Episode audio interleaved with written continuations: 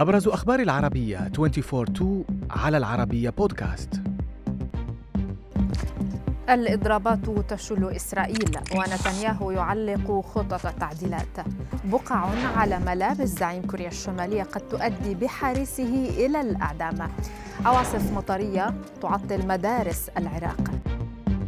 في وقت لا يزال فيه رئيس الوزراء الإسرائيلي بنيامين نتنياهو يواجه ضغوطا متزايدة سواء من المعارضة أو من حلفائه في الحكومة بشأن التعديلات القضائية التي يسعى لتمريرها في الكنيست. ضغط أكبر في الشارع وقف بوجه نتنياهو من خلال موجة إضرابات شلت الاقتصاد والحركة الجوية والبحرية في إسرائيل فضلا عن مظاهرات حاشدة تزايد زخمها بعد إقالة وزير الدفاع يواف جالانت ما دفع نتنياهو إلى تعليق التعديلات القضائية والدعوة إلى تجنب العنف. الإعدام أو الأشغال الشاقة هي عقوبة تنتظر مساعد الزعيم الكوري الشمالي على خلفية ظهور كيم جونغ أون بسترة متسخة ببقع بيضاء خلال حضوره إطلاق صاروخ باليستي. المساعد يواجه تهمة عدم حماية كرامة الزعيم المتمثلة في مظهره العام أمام شعبه.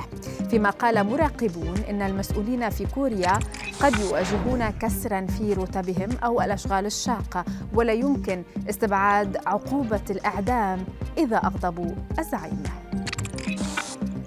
في العراق أدت عاصفة مطرية إلى إغراق العديد من الأحياء والشوارع في مدن وسط وجنوب البلاد. الأمر الذي اضطر السلطات إلى تعطيل الدوام الحكومي اليوم وفقا لتوجيهات من مجلس الوزراء. وسائل التواصل الاجتماعي تناقلت صورا وفيديوهات لشوارع مليئة وغارقة بمياه الأمطار التي تسببت بوقوع أضرار مادية. ومن المتوقع أن تستمر الأمطار إلى يوم غد وفقا لهيئة الأرصاد العراقية. Thank you.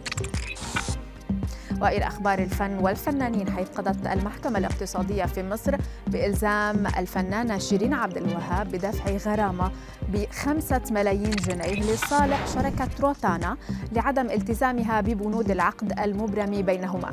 الطرفان تنازعا حول بعض البنود التي تم إبرامها بين الطرفين حيث طلبت الشركة من الفنانة دفع عشرة ملايين جنيه. بينما أكدت شيرين أنها لم تخل أو تخل ببنود العقد وأنها على استعداد تام لتسليم ألبومها المنصوص عليه في الاتفاق.